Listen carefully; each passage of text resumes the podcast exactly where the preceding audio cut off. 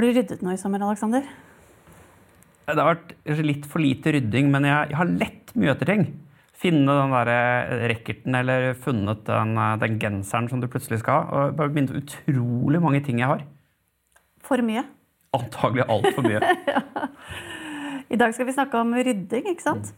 Eh, nærmere bestemt dødsrydding. Altså den ryddingen du bør gjøre før du forlater jordens overflate.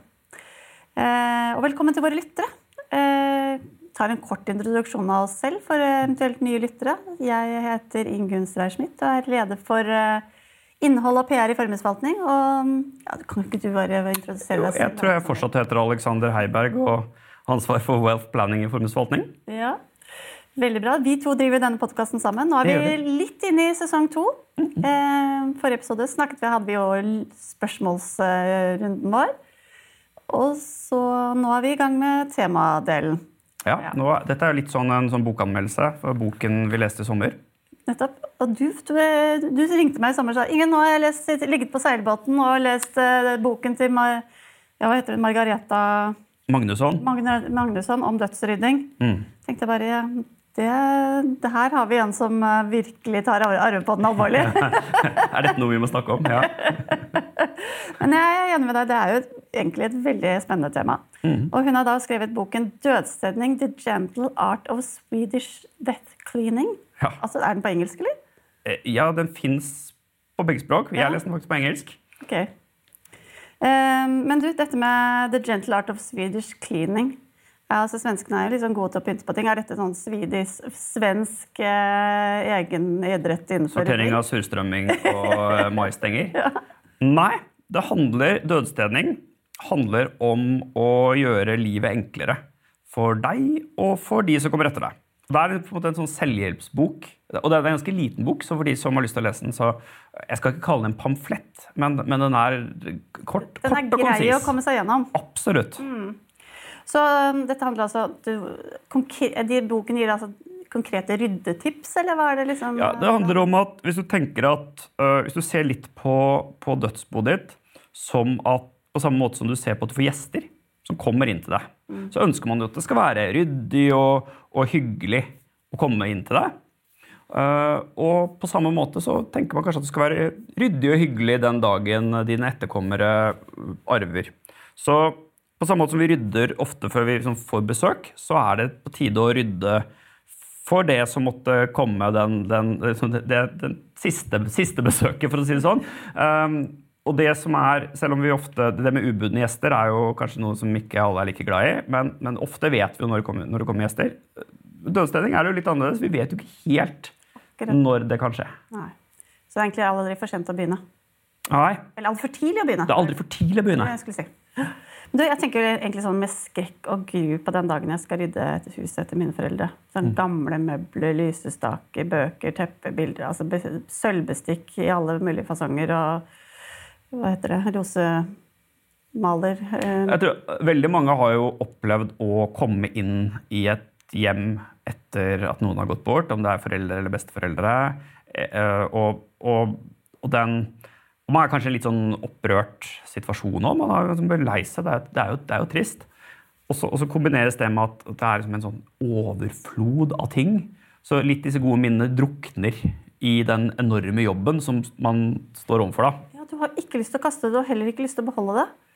Nei, og så er det ikke bare den dagen jeg tenker man går bort, men jeg tror veldig mange opplever kanskje at når foreldre eller besteforeldre skal flytte på i mindre leilighet, det skjer jo ofte på et Du ønsker kanskje å gå fra å ha en stor enebolig eller en, en enebolig eller en, uh, bo i tredje etasje i en leilighet til å ha noe enklere, eller man i noen tilfeller også flytte på institusjon. Og du skal, du skal liksom konvertere uh, 180 kvadrat, uh, eller ikke minst fire kjellerboder, til en 30 kvadratens leilighet.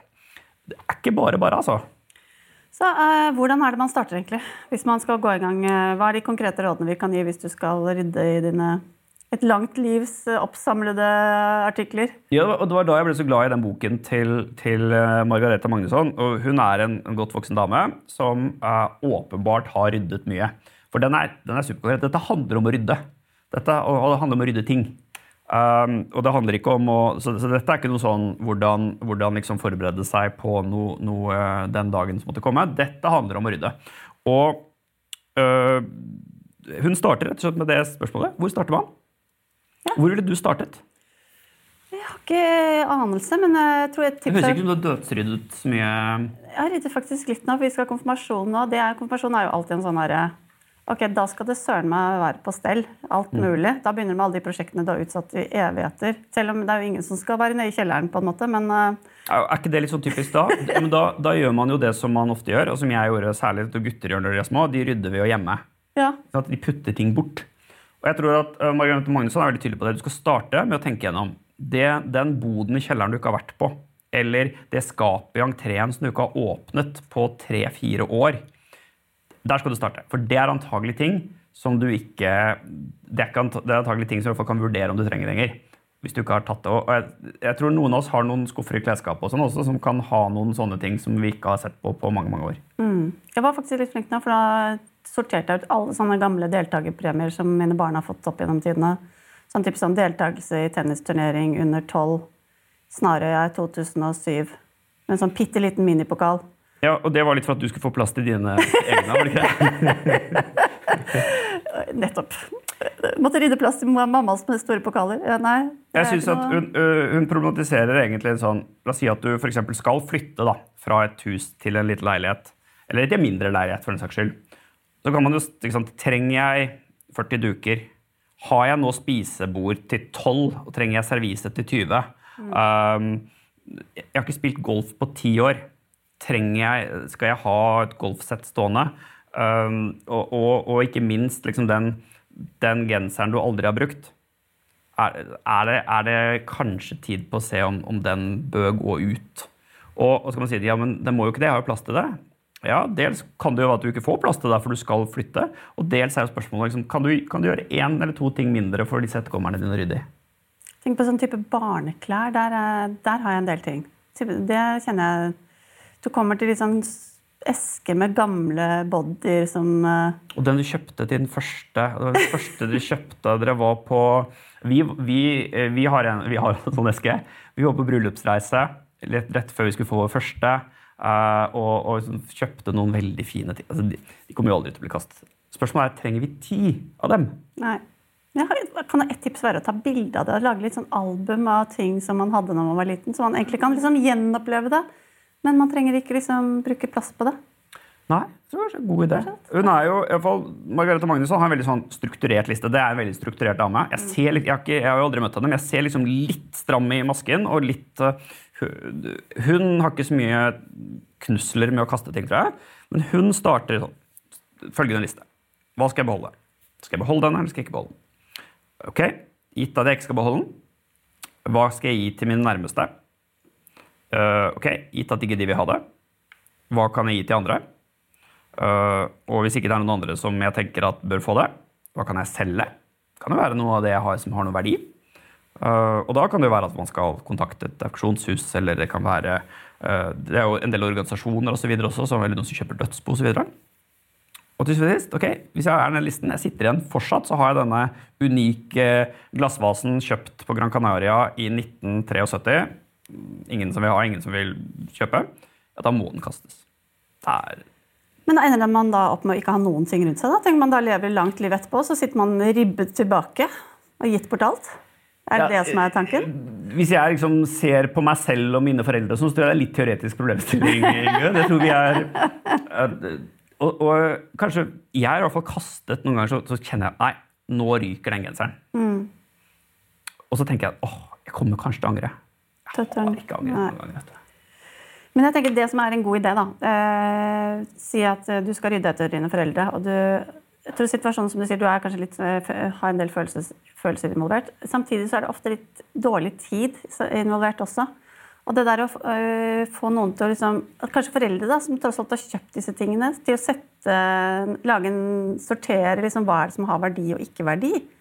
Liksom, så kan man kanskje, Det blir lettere å da sortere når man kommer som utenforstående og ser disse tingene for, eh, eller skal begynne å vurdere de selv.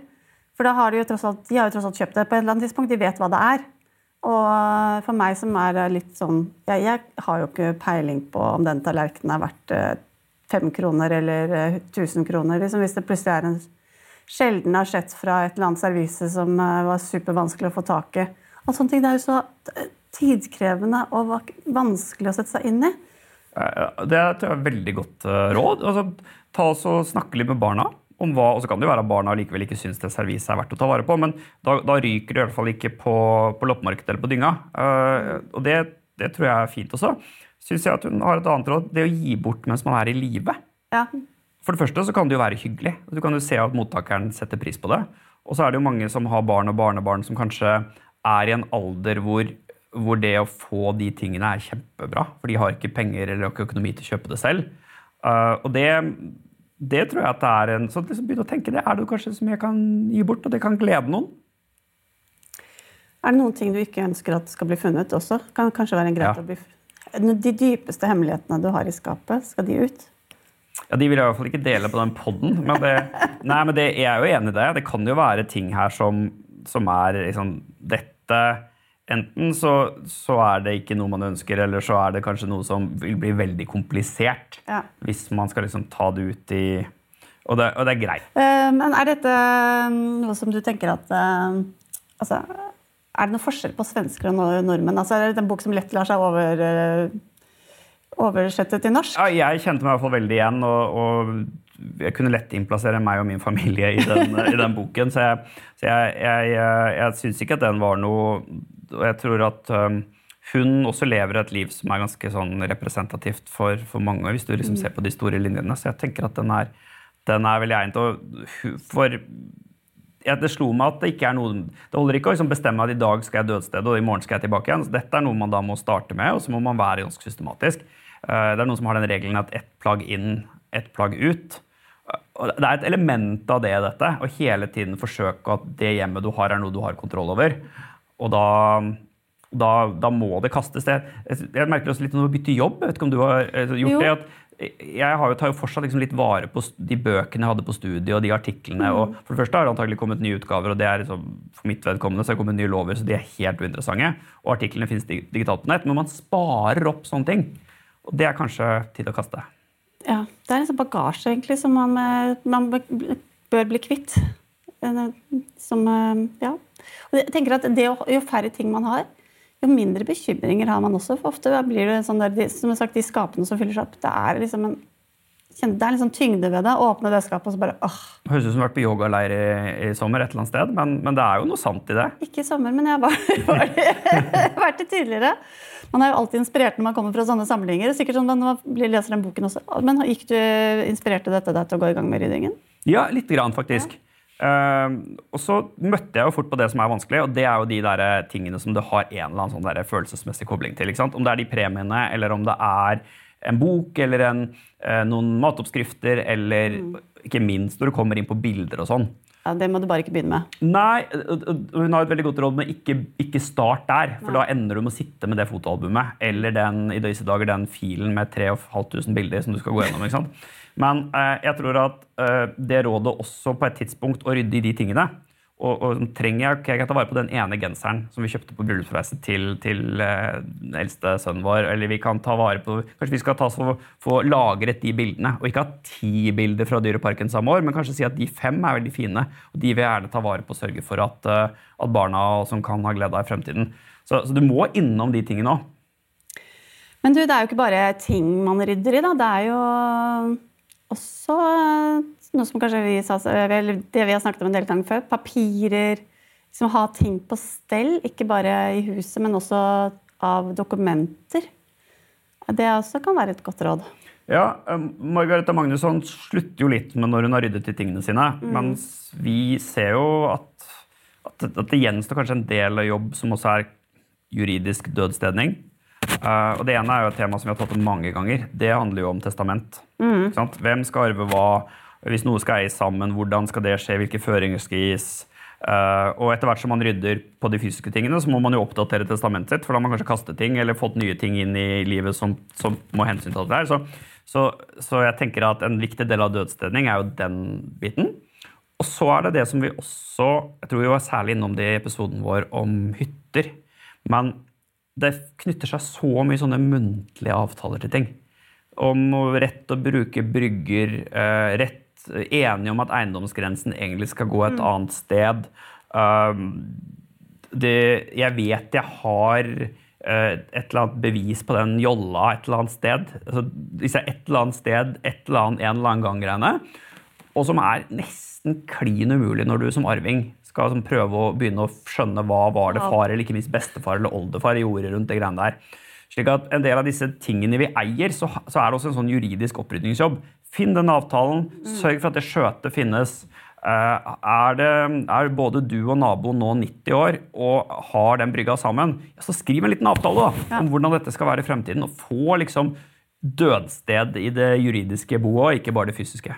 Og ikke minst fremtidsfullmakt var, er jo kanskje greit å få på plass. Det er jo et ord som kanskje høres litt kjedelig ut, men det som vi snakker mye om. Det er faktisk ganske viktig. Ja, det er jo når du, når du mister eh, du, du, er liksom, du, er ikke død, men, men, det kan jo skje at man blir litt indisponert. Og denne demensen og, og som, som, jo rammer mange. Hvordan, hvordan skal vi eh, sørge for å ha det ryddig i en sånn situasjon? Mm. Um, andre ting som uh, kan være bra tips på veien her? Nei, jeg, jeg, tror, jeg, tror, jeg har vært innom det meste. Jeg syns uh, hun har en veldig sånn bra test uh, i boken sin. Og da spør hun blir noen lykkeligere av at jeg tar vare på dette. Mm. er det noen som kan ha glede av det hvis jeg ikke har det? og det tenker jeg at man kan liksom, man går inn i hjemmet sitt og tenker ok, blir noen lykkeligere av at jeg tar vare på dette? Er det eventuelt noen jeg kan glede ved å gi det bort? Um, og hvordan kan jeg sørge for at den dagen min arvingen kommer på besøk, så er det så ryddig som mulig? Med det så sier vi takk for i dag. Uh, vi høres om to uker. Uh, send spørsmål til podkast.formue.no hvis du er noe du lurer på, og så svarer vi på det etter hvert. Enten på mail eller på, i sendingen. Ha det bra.